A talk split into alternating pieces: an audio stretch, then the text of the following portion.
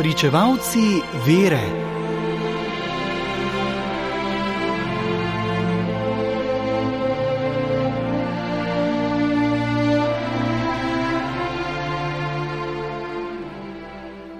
Danes zgoduje sveta Brigita, Brida, zavetnica Ircev. Ta izredna žena ob svetem Patriku, narodnem svetniku Ircev, predstavlja najbolj češčeno svetnico na otoku svetnikov.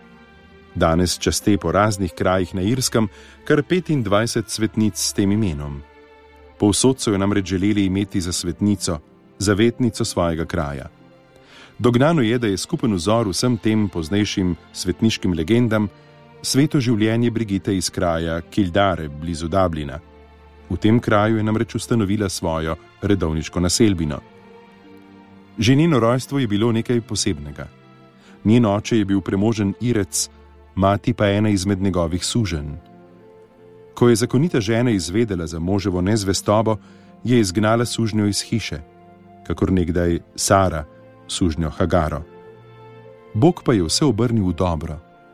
Deklica je bila deležna lepe vzgoje pri dobri krščanski ženi.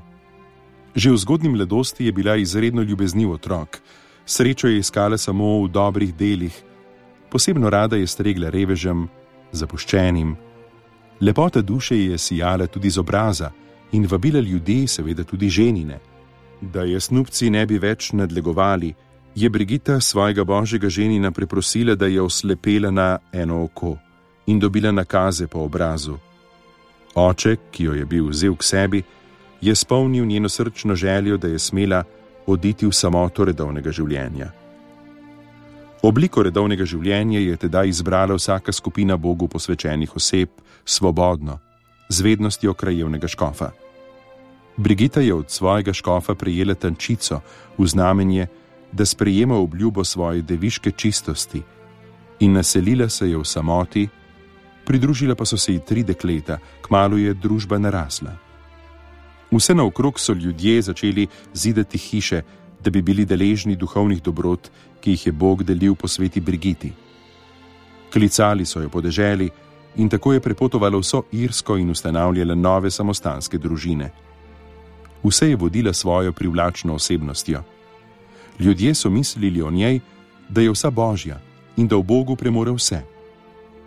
Delati čudeže je njeno naravno opravilo. Čudežev, ki jih pripisujejo sveti Brigiti, je nešteto.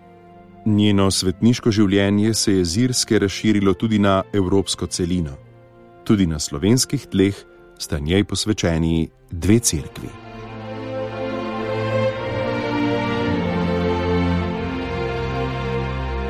Brali smo iz knjige Svetnik za vsak dan, ki jo je napisal Silvestr Čuk.